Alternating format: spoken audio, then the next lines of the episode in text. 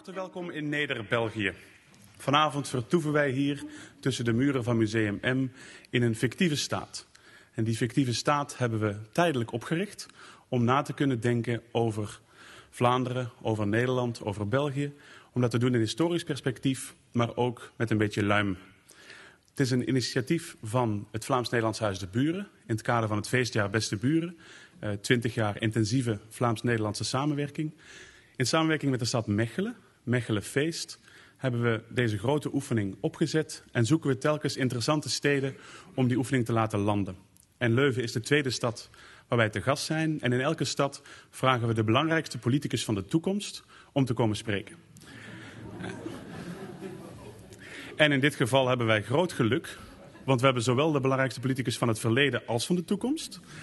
De burgemeester, uh, Louis Torbak. En vooraleer hij aan het woord komt, vragen we telkens iemand om een historisch visioen te schetsen. Vanuit een wat-als perspectief. Wat zou er nu gebeurd zijn als Nederland en België samen waren gebleven? Als we 1830 even kunnen schrappen uit de geschiedenisboeken. Hoe zou deze staat eruit zien? Hoe zou de economie zich ontwikkeld hebben? Of de ecologie? Welke taal spreken we hier? Welk bier drinken we hier? Dat zijn vragen die we gaan beantwoorden vanavond. Uh, de eerste spreker die dat gaat doen is Atte Jongstra, uh, Nederlandse schrijver, die straks uitvoerig en lyrisch zal worden geïntroduceerd door de man die ik nu kort en niet al te lyrisch zal introduceren, Mark Reinebo. Historicus, um, de drager van deze reeks, iemand die in zich ernst en luim verenigt. En die veel geschreven heeft natuurlijk over de geschiedenis van België. Maar die we ook eens de kans wilden geven om wat losser na te denken. En vanuit zijn rol als moderator sprekers de kans te geven om dat ook te doen. Het is dit jaar net 200 jaar geleden dat uh, door een historische omstandigheid uh, de voormalige zuidelijke Nederlanden, zoals ze ooit hebben geheten, dat zij uh, werden samengebracht in een wat werd genoemd een amalgaam met wat ooit een republiek was en daarna een koninkrijk werd. En dat gebeurde in 1815 uh, in de context van het Verenigd Koninkrijk der Nederlanden. Het leek een hereniging waar beide landen, de voormalige zuidelijke Nederlanden, de voormalige republiek, waarin die eeuwenlang naar gesnakt hadden uh, na de bittere scheiding die ze hebben moeten ondergaan in, uh, aan het einde van de 16e eeuw. Twee eeuwen langer zijn zij gescheiden gebleven tot het toeval, het lot, de grootmachten, de noodzaak. Uh, we hebben geen ander alternatief. Ze weer samenbracht in dat Verenigd Koninkrijk van koning Willem I. En helaas heeft dat, ondanks al dat snakken, al die bittere wanhoop, heeft dat amper 15 jaar geduurd. Vooraleer in Brussel dat muitziek Belgenrot in opstand kwam tegen koning Willem I. En uh, daar een scheiding uitgevolgd is, die zich vandaag nog altijd toont in twee landen die beweren van zichzelf dat ze goede voetbalploegen hebben, België en Nederland. Ze zijn gescheiden en ze zullen gescheiden blijven, of toch niet. Atte Jongstra dacht van niet en in het hoofd van Louis Tobac, of zal ik zeggen in de ziel van Louis Tobac, zijn ze zeker niet gescheiden. Dames en heren. Dames en heren, landgenoten. Ons Koninkrijk der Verenigde Nederlanden viert dit jaar haar 200-jarig lustrum. De verbondenheid van ons land is na haar stichting in 1815 hecht gebleken. We kunnen daar allen dankbaar voor zijn. Van Haspengouw tot Achterhoek, van Meetjesland tot Schiermonnikoog, van het plateau van Wijnendalen tot het Friese lage midden. Het is standhouden van een koninkrijk als het ons is natuurlijk in de eerste plaats te danken aan een gemeenschappelijke brede adem. De adem van het volk. Maar het heeft ook symbolen nodig. Grote voorbeeldmannen en grote voorbeeldvrouwen. Landgenoten. Die op een eigen manier laten zien dat niets en niemand ons uit elkaar kan drijven. Het 200-jarig lustrum van ons Koninkrijk der Verenigde Nederlanden lijkt een goed moment om enkele historische voorbeelden aan de vergetelheid te ontrukken. Ze zijn belangrijk geweest voor ons voortbestaan als natie en als symbool even zo belangrijk voor onze toekomst. Ik denk nu aan mijn grootvader Sjouke de Vries en zijn Friese polstok en aan de Leuvense bevolking. Onze natie is tot stand gekomen in 1815. Dankzij het helder inzicht van de mogendheden die Napoleon eerst in de Volkerenslag bij Leipzig en tenslotte definitief bij Waterloo versloegen. Bijeengekomen in het Weense congres zag men in dat het verenigen van de noordelijke en de zuidelijke lage landen een historische noodzakelijkheid was. Men maakte slechts één fout. Het benoemen van een oranje prins tot koning Willem I.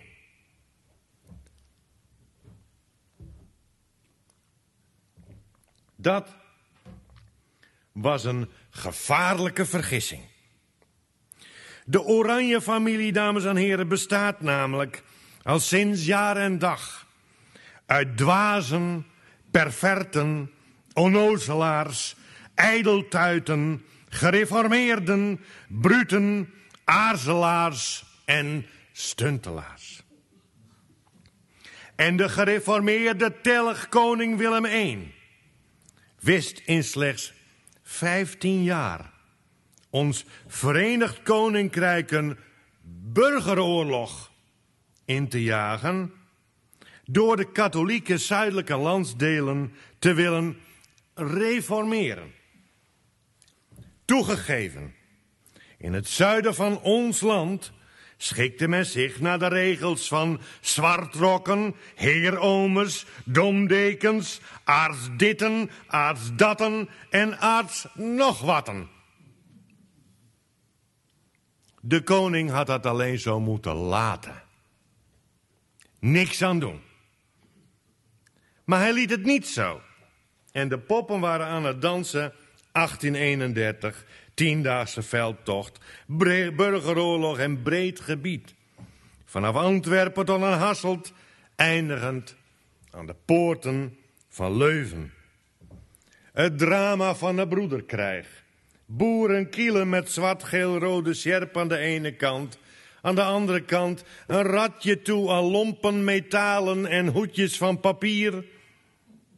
Samen landgenoten die ons vredig samen zijn verstoorden in de fraaie Kempen, het onvergelijkelijke Oost-Vlaanderen, de geurende winterslagse heidevelden, de bosrijke dreven rond Hasselt, of de zoet glooiende heuvelen rond Leuven. Leuven zag vanaf de stadsmuren hun dwalende landgenoten uit het noorden naderen. Die, als waren zij de kudde en hij de herder, voortdurend werden omcirkeld door een oranje kroonprins te paard, staande in de beugels, wippend met zijn smalle billetjes. Leuven ze zag ze komen, maar wat deden ze? De Leuvenaren zetten hun poorten open.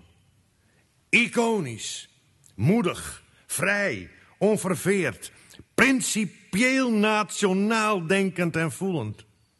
De open stad Leuven bood haar dwalende landgenoten vrije doortocht. Langs haar eeuwenoude monumenten, ongehinderde passage langs het Begijnhof, Lakenhal, Pauscollege, Martelarenplein, onze lieve vrouw ter predikheer en kerk. Het was die daad van moed, beleid en trouw in 1831 die onze natie behoeden voor splitsing en versnippering. En het is diezelfde daad die we nog steeds als voorbeeld kunnen gebruiken voor ons brede nationaal gevoel. De poorten open. Welkom, broeders, uit ons eigen land. Twee andere iconen van ons Verenigd Koninkrijk noemde ik al. Mijn grootvader, de in 1889 geboren Friese landarbeider Sjouke de Vries en zijn trouwe arbeidskameraad de Polstok. Met hem komen we bij een buitenlandse poging om onze grootste natie op te delen in Wereldoorlog 1. Het gaat hier om de zogenaamde draad. Die vergelijkbaar met de Berlijnse muur onze landgenoten in Noord en Zuid verdeelde. Duitsland had voor haar opmars naar Parijs in 1914 onze noordelijke provincies niet nodig en liet ze, liet ze rechts liggen. Een rampzalige periode ook voor Leuven, zoals u weet. 1081 huizen vernield, 209 burgers om het leven gekomen, waaronder 21 vrouwen, 6 geestelijke, 11 kinderen, waarvan één maar 6 maanden oud en drie 80-jarigen. Dit wekte grote woede in onze noordelijke provincies, ook onder de daar gemobiliseerde militairen, uh, waaronder mijn grootvader. Zij voelden een enorme drang de zuidelijke broeders te hulp te schieten. Om te beletten dat het ook inderdaad gebeurde, bouwden de Duitsers van de Noordzeekust tot aan het vierlandenpunt bij Aken een prikkeldraadversperring, die onder stroom stond, maar liefst 2000 volt. De Drood, zoals hij werd genoemd. Een werkzame hindernis van grootscheepse noordelijke steun aan het zuidelijk verzet tegen de bezetter is het nooit gekomen. Maar ik heb het hier over symboolhandelingen. Kleine daden die onze verenigde geest weerspiegelen. Over de mannen en vrouwen die hun creativiteit, hun ongebroken energie inzetten voor onze nationale eenheid. Wat men al niet deed om te demonstreren. Dat geen kunstmatige scheiding van Noord en Zuid de natuurlijke saamhorigheid onmogelijk kan verbreken. Men schreef, schreef elkaar brieven, 50.000 per week. Men groef een sleuf onder de drood en kroop erdoor, vernederend, gevaarlijk. In de hoogte probeerde men de draad te overbruggen met een dubbele trapladder waarop extra houten planken. Men kroop door open ton of bak die tussen de draden was gewrongen, of door een zogenaamd passeursraam. Een klein tafeltje werd ook gebruikt op porseleinen pootjes, isolerende gummilazen en gummimatten of droge wollen dekens om de draad gewonden. Mijn grootvader Sjouke deed het anders. Hij had zijn polstok en zweefde ongehinderd over de draad door het vrije luchtruim heen en weer. Hij verwierf er faam mee als vrij onderdaan. De onverveerde Friese wipper. Zijn polstok werd beroemd. Hij kreeg een briefkaart van een burgemeester die van Sint Martens voeren Kunt gij het ook, ons ook leren, mijn waarde landgenoot? Sjouke de Vries. Zo maakte hij school als grote oversteker. De leermeester die het vrije nationaal verkeer in benarde tijden op de been te houden wist. Dames en heren landgenoten. Wij schrijven nu 2015 en vieren 200 jaar geschiedenis van het Verenigd Koninkrijk der Nederlanden. We herdenken onze helden en verheugen ons in het feit dat we het koningschap verkiesbaar maakten. Na Willem I en Leopold II was het wel eens mooi geweest. We verheugen ook, ons ook in de vrije uitwisseling van diensten en personen in ons land. Noordelijke kranten hebben zuidelijke hoofdredacteuren. Het beheer van Leuvens erfgoed wordt geleid door noordelijk landgenoot Verhoeven. Het Vlaamse literair tijdschrift DWB telt voor de helft redacteuren van boven de Moerdijk. En zo zijn er steeds weer nieuwe mensen die de open poorten zien, die het zweven van de polstok kennen, mannen en vrouwenlandgenoten die het niet laten bij een verenigd koninkrijk, maar onvermoeibaar streven naar een verenigder koninkrijk der Nederlanden. Want dat, dames en heren, is de natie van de toekomst. Ik dank u wel.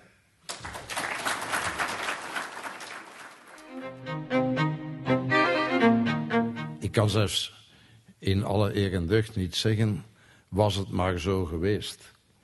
Want daarvoor waren er toch een aantal aspecten aan dat, uh, aan dat beeld die misschien niet, uh, niet helemaal kloppen. Dus ik uh, verontschuldig mij bijvoorbeeld als ik, als ik een beetje het plezier moet bederven. Maar in mijn versie, maar straks zal Mark dat ongetwijfeld als specialist, historicus enzovoort allemaal rechtzetten. Maar naar mijn informatie zou het wel eens zo kunnen zijn dat het eigenlijk die van het noorden waren, die, die van het zuiden liever kwijt dan rijk waren in 1830. Dus, want ja, die van het zuiden waren, waren veel te ondernemend, veel te, slim, veel te rijk, uh, kwamen met te veel in de Nederlandse administratie terecht in Den Haag en zo leverden te veel ministers en wat weet ik. En dus wilde men die eigenlijk kwijt. En heeft men, volgens sommige gegevens, andere historici, niet echt met overtuiging gevochten om het allemaal bij elkaar te houden. Ik zag bij onze, in onze zusterstad een bos, hangt er in het stadhuis op de eerste steek van de trap van het oude stadhuis, hangt er een, in de beste traditie van de nachtwacht, hangt er een groot schilderij. En daar uh, staat dus afgebeeld, volgens het onderschrift, de burgerwacht van Den Bosch op het punt te vertrekken naar Brussel in 1830. Wat mij bij een bepaalde gelegenheid de bedenking heeft ontlokt dat indien onze noorderburen en de Bossenaren dan in het bijzonder een beetje minder ijdel waren geweest, dan waren ze misschien nog op tijd gekomen. Het is mijn absolute overtuiging dat Indien dat Verenigd Koninkrijk was, het, het Verenigd Koninkrijk was gebleven, dat het er hier dan in de grote omgeving helemaal anders zou uitzien. Want dat we dan aan de Eerste Wereldoorlog zouden zijn ontsnapt. De Tweede waarschijnlijk niet, dus daar heb ik geen theorieën over. Maar aan de Eerste Wereldoorlog zouden we zeker zijn ontsnapt. Want ik neem aan dat men, waar het von Schlieffen-plan een eenvoudig, enfin eenvoudig, een puur militair-technisch opzet was, dat waar het eigenlijk de bedoeling niet was van de Duitsers uh, of van de Pruisen, als je het nog zo wil noemen, uh, om uh, België te veroveren. Het zou zeker hun bedoeling niet geweest zijn om het Verenigd Koninkrijk te veroveren. Ze hadden het tenslotte tegen Frankrijk en tegen niemand anders. En dus, het, uh, men mag veronderstellen dat in dat geval er geen technische operatie door België zou zijn gebeurd. En dat deze stad niet voor de helft, om niet te zeggen meer, zou platgebrand geweest zijn. En dat we dus vandaag uh, er in Leuven dat we ons in een heel andere stadsomgeving zouden bevonden hebben dan na die vermaledijde augustusavond en nacht van uh, 1914. Uh, heren, uh, we hebben een loflied gehoord over de eenheid die ons tot een volk maakt. Uh, met burgemeester, u zegt ja, het is een gemiste kans geweest. Wil dat zeggen dat u ja, eigenlijk, laten we zeggen, in de realiteit, al is er geen lichtdrukmaal van dat Verenigd Koninkrijk der Nederlanden zelfs, uh, dat u dat betreurt, dat het er, ja, dat het misgegaan is. Enfin, Ire Leuven eigenlijk. Want het verhaal gaat dat, men, dat Ik, de twee eh, kroonprinsen hier een pintje zijn komen drinken toen die 12 augustus 1831. Ik, eh, de, de huidige. Vandaar dat ik het absoluut niet apprecieer dat hij zo laatdunkend doet over het Huis van Oranje. Dus u moet dus weten dat eh, de huidige koningin dat hier komen openen is, dat museum. Hè? Absoluut, alstublieft. Hè? Vindt u dat een, een aanbeveling? Of? Er- Sinds dan is er toch nog altijd veel volk gekomen. Ja. Oh, en u, en u zit hier nu ook? Maar deze mevrouw is geïmporteerd vanuit het buitenland. Want dat, eh, in de Oranje heerste A al bloedarmoede. En in de tweede plaats eh, moesten ze iemand hebben die een beetje voor de onnozelaar die nu koning bij ons is eh, zorgt. En die dat een beetje in de hand houdt. Dat het niet elke keer is foutje van, eh, van Willem-Alexander. Nee, ik ben wat dat betreft heel blij met onze koningin. Eh, die had waarschijnlijk Ja, nou, wel een goede koningin ik van het dat- Verenigd Koninkrijk der Nederlanden. Ik vind zijn. dat, om het in goed Vlaams te zeggen, dat je nu volop in marche arrière staat. Hè? dus van, ik ben gelukkig met onze koningin. Ik ben Ja, hier een allee, vertegenwoordiger van het volk. En het, ons volk wil de portretten van onze koning niet eens in huis. Hè, er zijn, er zijn, ze zijn er in drie versies van te koop. Eén schilderversie en twee foto's, als ik me niet vergis. De, foto, eh, de, de schilderversies, inderdaad, zijn vier exemplaren van verkocht. Eh, en het, eh, eh, wel, het geweldige is dat de namen van de kopers van dat schilderij bekend zijn geworden. En het is allemaal dezelfde achternaam als van de mevrouw die het geschilderd heeft. Ja, maar is dat omdat die schilderijen niet goed waren, omdat het personage niet populair is, of is het omdat die te duur waren? Heren, Nou, je kreeg er een gratis koning bij, dus eh Ah. er staat... Ah, bij jullie is die gratis. ah, ja. Nu, een van de dingen waar... Dus ik antwoord, want anders gaat hij zeggen dat het is weer politiek. Ze draaien nee, rond de pot. Hij geeft geen Ik was antwoord blij ermee, hoor. op- ja, maar ik heb het over Mark. Hè, Ja, dus eh, hij, eh, hij antwoordt niet op mijn vraag. Ik heb al bij herhaling vele herhalingen al publiek gezegd, voor wie het horen wil, de, die revolutie van 1830 is een stommiteit. Eh, en een stommiteit van Franstaligen die schrik hadden om Nederlands moeten te spreken en van katholieken die schrik hadden om protestant moeten te worden. Eh, wij zijn Brabanders, dus wat ik wil herstellen is het hertogdom Brabant. En we zijn niet voor niks verzusterd met een bos. En ik wijs er niet voor niks Tilburg op dat het gesticht is naar Brabants recht. Ja, dus we, we vinden dadelijk een gemeenschappelijke, een gemeenschappelijke basis. En bovendien, eh, ja, dat zijn de zogenaamde generaliteitslanden. Dus die kunnen heel goed terugkeren. Ja. ja. Dus ik, ik heb daar geen enkel probleem mee. Dus je bent ook niet wanhopig als je zegt... ze Absoluut niet. Nee, nee, nee. Ik, ik ben van de mening van Gramsci, de Italiaanse communist, die zei. Maar nu moet ik mijn aanloop nemen, dat is bijna even erg als Willem de Zwijger zijn, zijn slogan. Dus Gramsci zei: je moet het eh, pessimisme van het inzicht combineren met het optimisme van de wilskracht. Ja, Straf, hè? dat eh, klinkt zeer goed. Toch een goeie. Maar wat zou het betekenen? Ja, maar dat jij dat nu niet begrijpt, dat, dat is toch mijn schuld niet, hè? Maar dus het was een stommiteit, voor Ja. de redenen die ik zeg. Het was een stommiteit. Ja.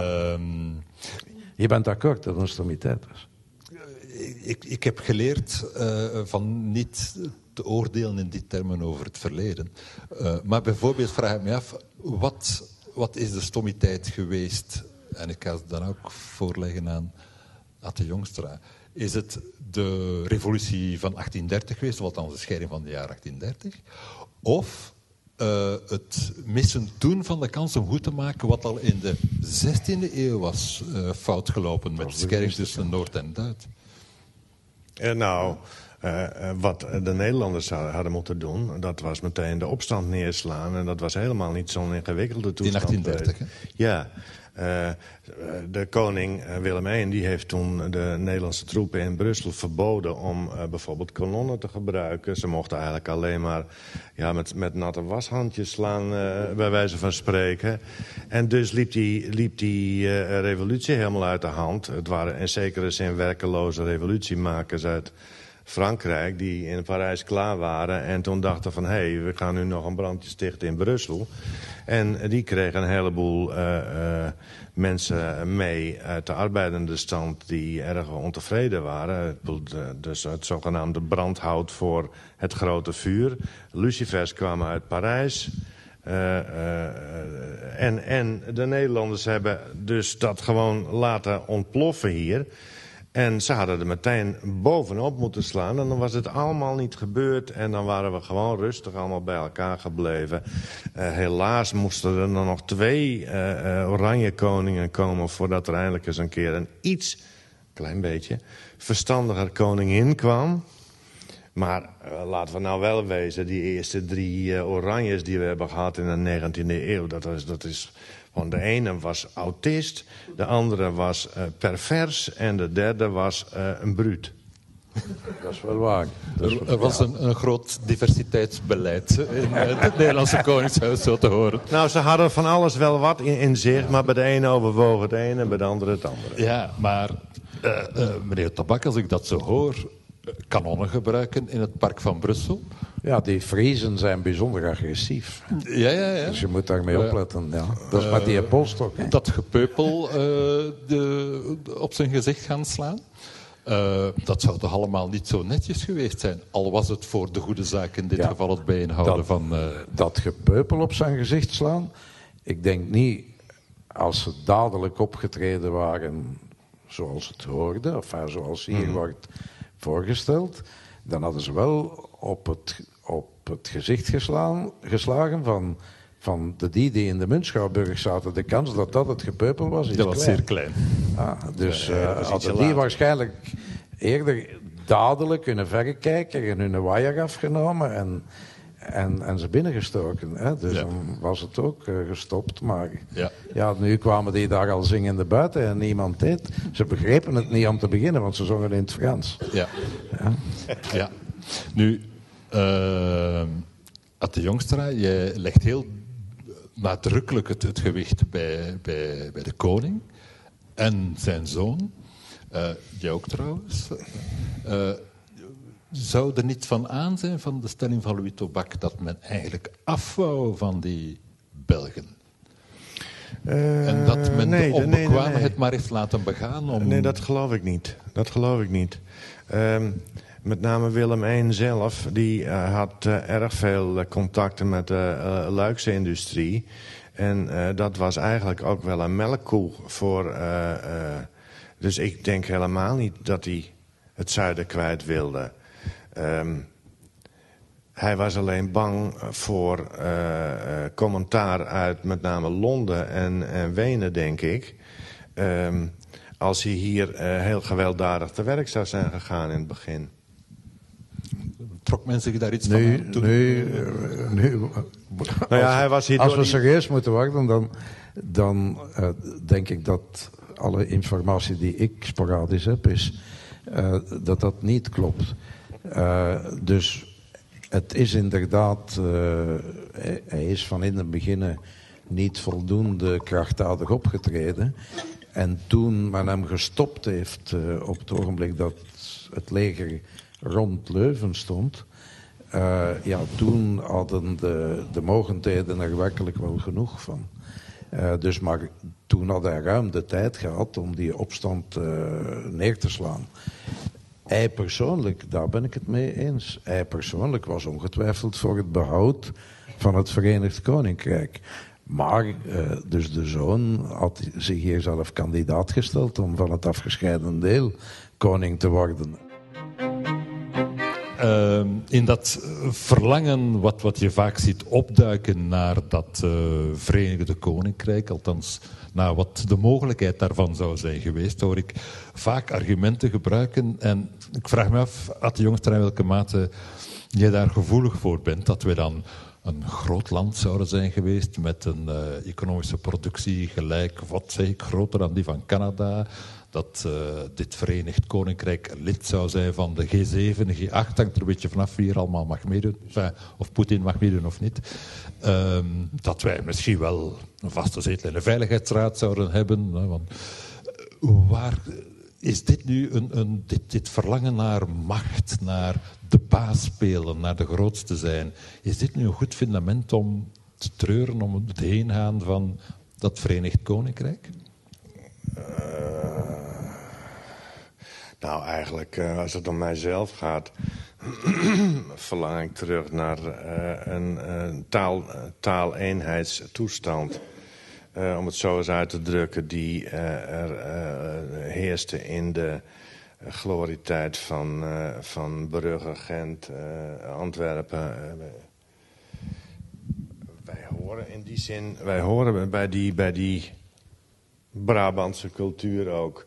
Klinkt misschien een beetje gek uit het, de mond van een Fries, maar wij hadden onze tijd al gehad. Vlak voordat de Noormannen kwamen. En, en meer uh, moest dat niet en, zijn. En, en, ik dacht van nou, nu zijn we uh, in de 19e eeuw, vanaf de 19e eeuw dan eindelijk eens een keer aan de beurt... om het met de Brabanders uh, tot een fijne unie te brengen. Ja. De Walen mogen er dan ook nog wel bij hoor, maar eigenlijk horen die bij Frankrijk. Oké. Okay. maar, maar, ja, dat argument van, van de grootheid. Ja. Want u zit hier wel, ook geregeld gaat het over macht of over de grootste willen zijn. Ik denk niet dat het daarover gaat. De vraag is, met de G7 is samengesteld op basis van het bruto nationaal product. Met het bruto nationaal product van wat vandaag, als je het samentelt, het Verenigd Koninkrijk zou zijn zit je in de G7. Want uw bruto nationaal product is groter dan dat van Italië en bij momenten groter dan dat van Canada. Uh, is dat nu een probleem van, uh, dan voel ik mij veel meer minister-president of eerste minister. Of minister van Staat. Of, of minister van Staat. Nee, want die hebben niks te zeggen. Dat die, als die aandringen krijgen ze een, uh, een, een nummerplaat. Ja. En, daar, en daar blijft het bij. Ja. En die, telkens als er één overlijdt, wordt uw nummer lager. dat, is, dat is letterlijk zo. Dus, en welk nummer dus, hebt u nu? Wel, dat betekent dat je altijd korter bij de uitgang bent. Ja, ja precies. Dus, en welk nummer nou, hebt u nu? Maar dus, ik... Uh, ja, onderbreekt mij. Hè, dus, en, en, je belet mij ernstige dingen te zeggen. Dus ik was eigenlijk gekomen om ernstige dingen te zeggen. Okay, ja, en dus het ernstige ding is, wat je je moet afvragen, is het nu belangrijk dat je als staat, als gemeenschap, aanwezig bent op plaatsen waar eigenlijk rechtstreeks, rechtstreeks ook, of onrechtstreeks, over uw economische, financiële en zelfs culturele eigenheid wordt beslist. Ik denk dat het belangrijk is van daar aanwezig te zijn. Als je ziet hoe Balkenende zich in, in kronkels gewrongen heeft om bij de G21 mogen aanwezig te zijn, eh, dan uh, ik kan mij voorstellen dat dat ook niet alleen uit, want dat is een, dat is een anti-revolutionair, dus die moeten bescheiden zijn. Ja. Dus die kan niet uit ijdelheid daar willen bij zijn hebben. Dus die wilde daarbij zijn omdat hem voor Nederland iets wilde inbrengen. Stel u toch voor dat in het Verenigd Europa van vandaag, als je het Verenigd Koninkrijk daar Nederlander zou zijn, ja, je zou niet moeten smeken om een commissaris te krijgen van onbenullige zaken. Hè? Ja. Ja? Dus je zou daarin wegen. Ja? Uh, minstens evenveel als de Fransen of de Duitsers. Ja? Dus het, uh, ja, dat is belangrijk. Ik, uh, er is één ding waar ik niet mee over de bank kan, dat is de zogenaamde kleinstaterij. Van laten we, laten we liever op ons alleen in ons dorp dan. ja, dat is ook. Nu komt mijn fusiedrang naar boven. Hè? dus uh, op ons niveau. Maar men is dus liever de eerste in zijn parochie dan de tweede in het aartsbisdom. Ja, goedenavond. Ik ben een Hollander met Friese roots die al twintig jaar met heel veel plezier in België woont. Um, maar ik moet er niet aan denken dat we één land zouden zijn. Want uh, dan zouden de buitenwijken van Leuven eruit zien zoals het gemiddelde Hollandse dorp. Alle huizen hetzelfde en overal een Albert Heijn. Um, en dan zou de Nederlandse politiek net zo chaotisch zijn als de Belgische politiek. En dan gebeurt er helemaal niets meer. Maar wat ik eigenlijk zou willen vragen is... Um, we hebben de Benelux, eh, die eigenlijk al ouder is dan de Europese Unie. En als de twee landen gewild hadden... dan hadden ze echt wel meer samen kunnen doen... en een stuk van hun autonome uh, macht kunnen bundelen in de Benelux-Unie. Daar hadden we een soort van Europese Unie gehad al in de jaren zeventig en waren we een groot land geweest. Maar waarom is die wilde nooit geweest? Ik denk dat we, uh, ons niet hebben gerealiseerd dat we al lang een land waren. Dat is het eigenlijk. Onwetendheid, niet goed uit je ogen kijken. We horen bij elkaar. En huis, als je door Nederland rijdt, dan is eh, natuurlijk uh, de bedrijventerreinen die overal om, om elke woonkern heen klonteren. En de, uh, de nieuwe wijken die weer om de oude staan. Maar wij hebben echt andere streken. Als je in Groningen, Groningen komt, ben je echt ergens anders. En als je in Brussel komt, ben je ook echt ergens anders. En ik geloof niet echt zo in die eenvormigheid. Daar geloof ik niet in. Belgen maken er toch altijd overal een rotzooi van. Ook al bij een heel land. Daar moet ik iets op zeggen. Oké. Okay. Dat, dat kunnen we... Je mag hier dan al gast zijn. Maar daarom gaan we het nog niet zo laten passeren. Maar als ik goed geluisterd heb, dan kreeg ik een eerste...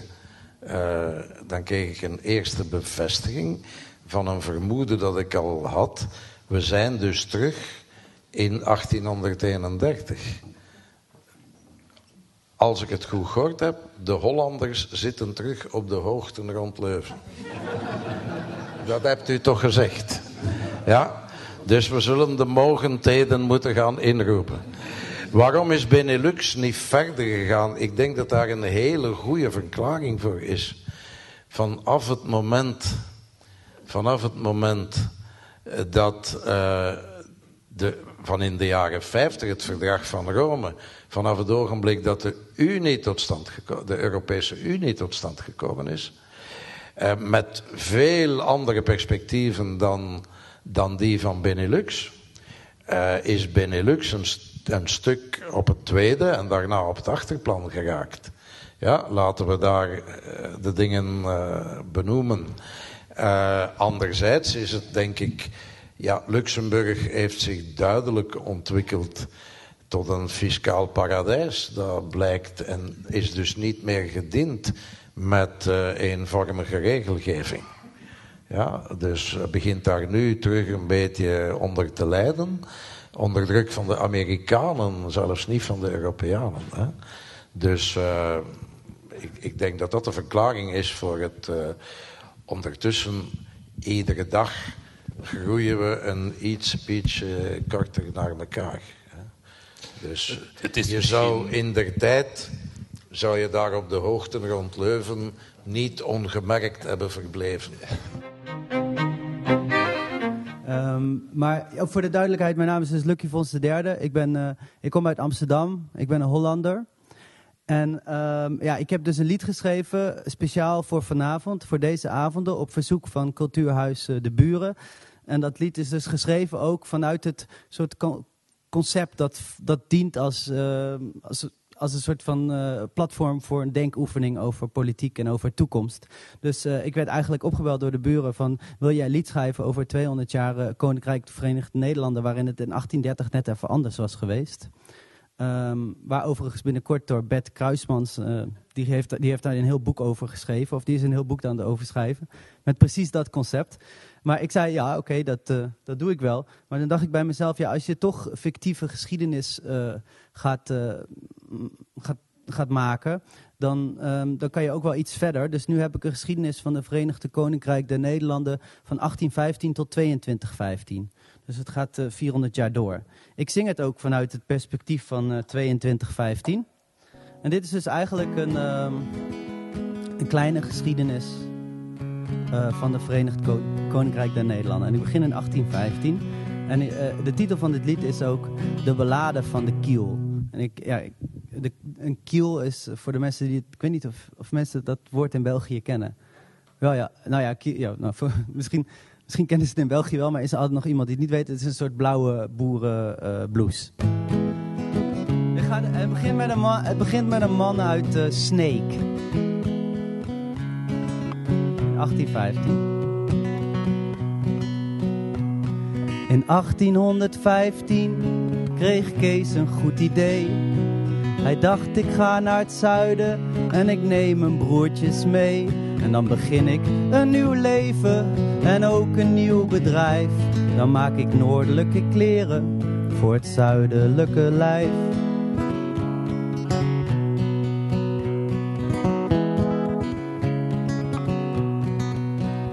En wat begonnen was in Mechelen, werd al snel een echte hit. Bijna elke Vlaamse man zag zichzelf in bezit van een mooie protestantse Friese boerenkiel. Want ze vonden het zo chic, hoe dat het om de schouders viel.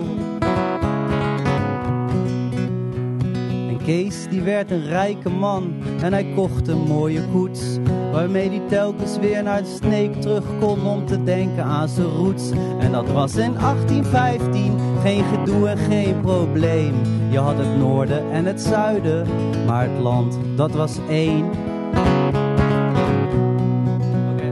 gaan we 100 jaar vooruit, oké? Naar 1915.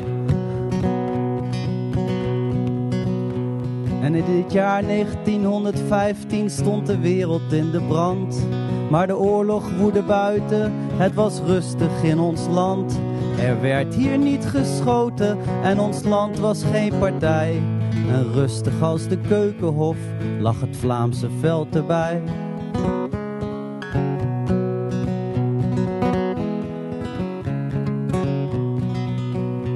En in Mechelen stond nog steeds die boerenkielfabriek. Die inmiddels produceerde voor een nationaal publiek. Want nog nooit in de geschiedenis was een kleedje zo vertrouwd. Als die stugge blauwe boerenkiel, toen al honderd jaren oud. En Kees, uh, en Kees die werd een legende van de Ardennen tot het Wat.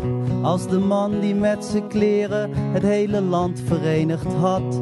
En dat was in 1915, geen gedoe en geen probleem. Want het zuiden was het zuiden nog en het noorden nog het noorden. Maar het land, dat was één. Oké, nu gaan we weer uh, 100 jaar vooruit, oké, naar het jaar 2015 het jaar 2015 was nog altijd niet gedaan. De directie van het bedrijf vierde twee eeuwen bestaan. Van de Kees en van zijn leven en zijn dappere besluit. Maar alles wat Kees zelf deed, dat besteden ze toen uit. Dus ze maakten boerenkielen in het noorden van Taiwan. En in het zuiden van Italië verfijnden ze die dan. En dan brachten ze het naar Moskou in een Koreaanse bus. Die bestuurd werd door een Spanjaard of een Fransman of een Rus.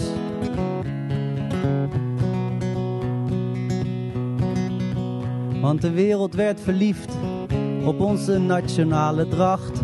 Zoals 200 jaar eerder door een man uit Sneek bedacht.